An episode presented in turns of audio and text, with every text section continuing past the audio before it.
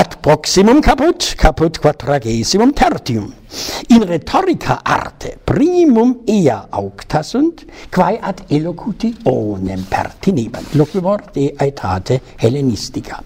Nam Theophrastus peripateticus, wie fuit inter Aristoteles discipulos clarissimus, distinxit in libro de elocutione, id est perilexeos, che liberibus liber, quatuor virtutes dicendi, aretae tes lexios, quae sunt et eas velim memoria teniatis coniam omnes ferretores si de elocutione agunt has quatuor habent virtutes dicendi. Bene distinxit. Prima est Hellenismus, iam vidimus, postea latinitas, et est ratio recte scribendi, nihil peccanti sine soloicismis, sine barbarismis. Secunda virtus est safenaia, dilucitum, latine etiam perspicuitas, ut dicamus nihil obscure. Deinde, quart, eh, tertia, est prepon, virtu ut materiae et oratori ab apta, apta sint, quae dicuntur, eh, magnae res maiora verba desiderant, si dico eh, quomodo galina aliqua necata, sit non istem verbis utar, atque cum dico cum caesar necatus est um graviore, graviora poscunt, et ultima eh, virtus est catasceue, aut etiam cosmos latini cor ornatus, qui tre duas habet partes ornatus ut ornate dicamus sunt figurae haec est prima pars figurae et tropi et secunda pars de qua qua difficilior est est compositio verborum hic agitur de apta collocatione verborum de numeris et de periodorum structura.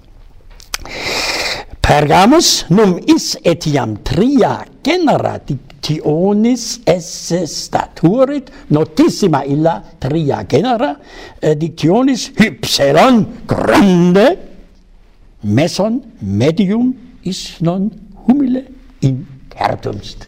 Scimus eam de mesoteti aliqua dixisse eius exemplum atulisse trasumachum, sed num haec eh, differentia trium generum ab illo facta sit nescimus pergo ea certe posteris aridebant pseudo Demetrius Demetrius Phalereus addendum, haec, es, äh, haec script, äh, hic liber de elocutione per Hermeneias, non ab ipso Demetrio äh, äh, scriptus est, sed fingitur scriptus esse, e is igitur addit quartum, quartum genus deinon non. Deinon, ut etiam demosthenes habea sua virtutem addit ad uh, humile medium grande etiam deinon, quod superet etiam grande sed eh, romani tantum modo uh, tri tri uh, tria genera norunt Hactinus de Peripateticis, nunc de Stoicis, Stoici autem magis in figuris elaborabant schemata atropis distinguebant.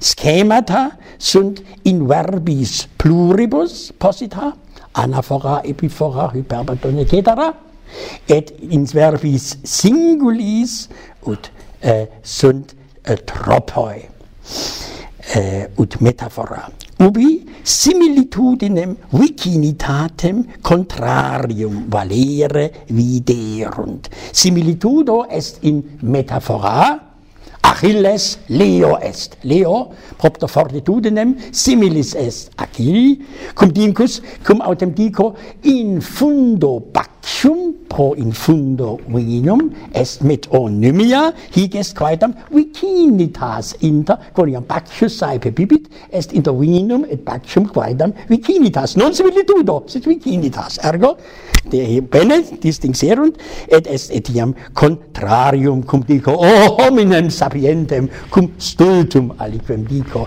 quae vocator antifrasis sic octo tropos distinxerunt secundum eh, secundum haec.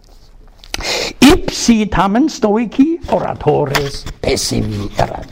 Ceredicunt, eh, eh, eh, Cicero dixit, si quis vult de discere loqui, de discere loqui, non discere loqui, sed de discere loqui, legat shrisipi rhetorica. Tam aride scripteat, magis aride quam ego loquor. Wieder. Epicurei ut fortasenostis a rhetorica omnino abhorrebant, quoniam omnium artium liberalium inimicus erat Epicurus.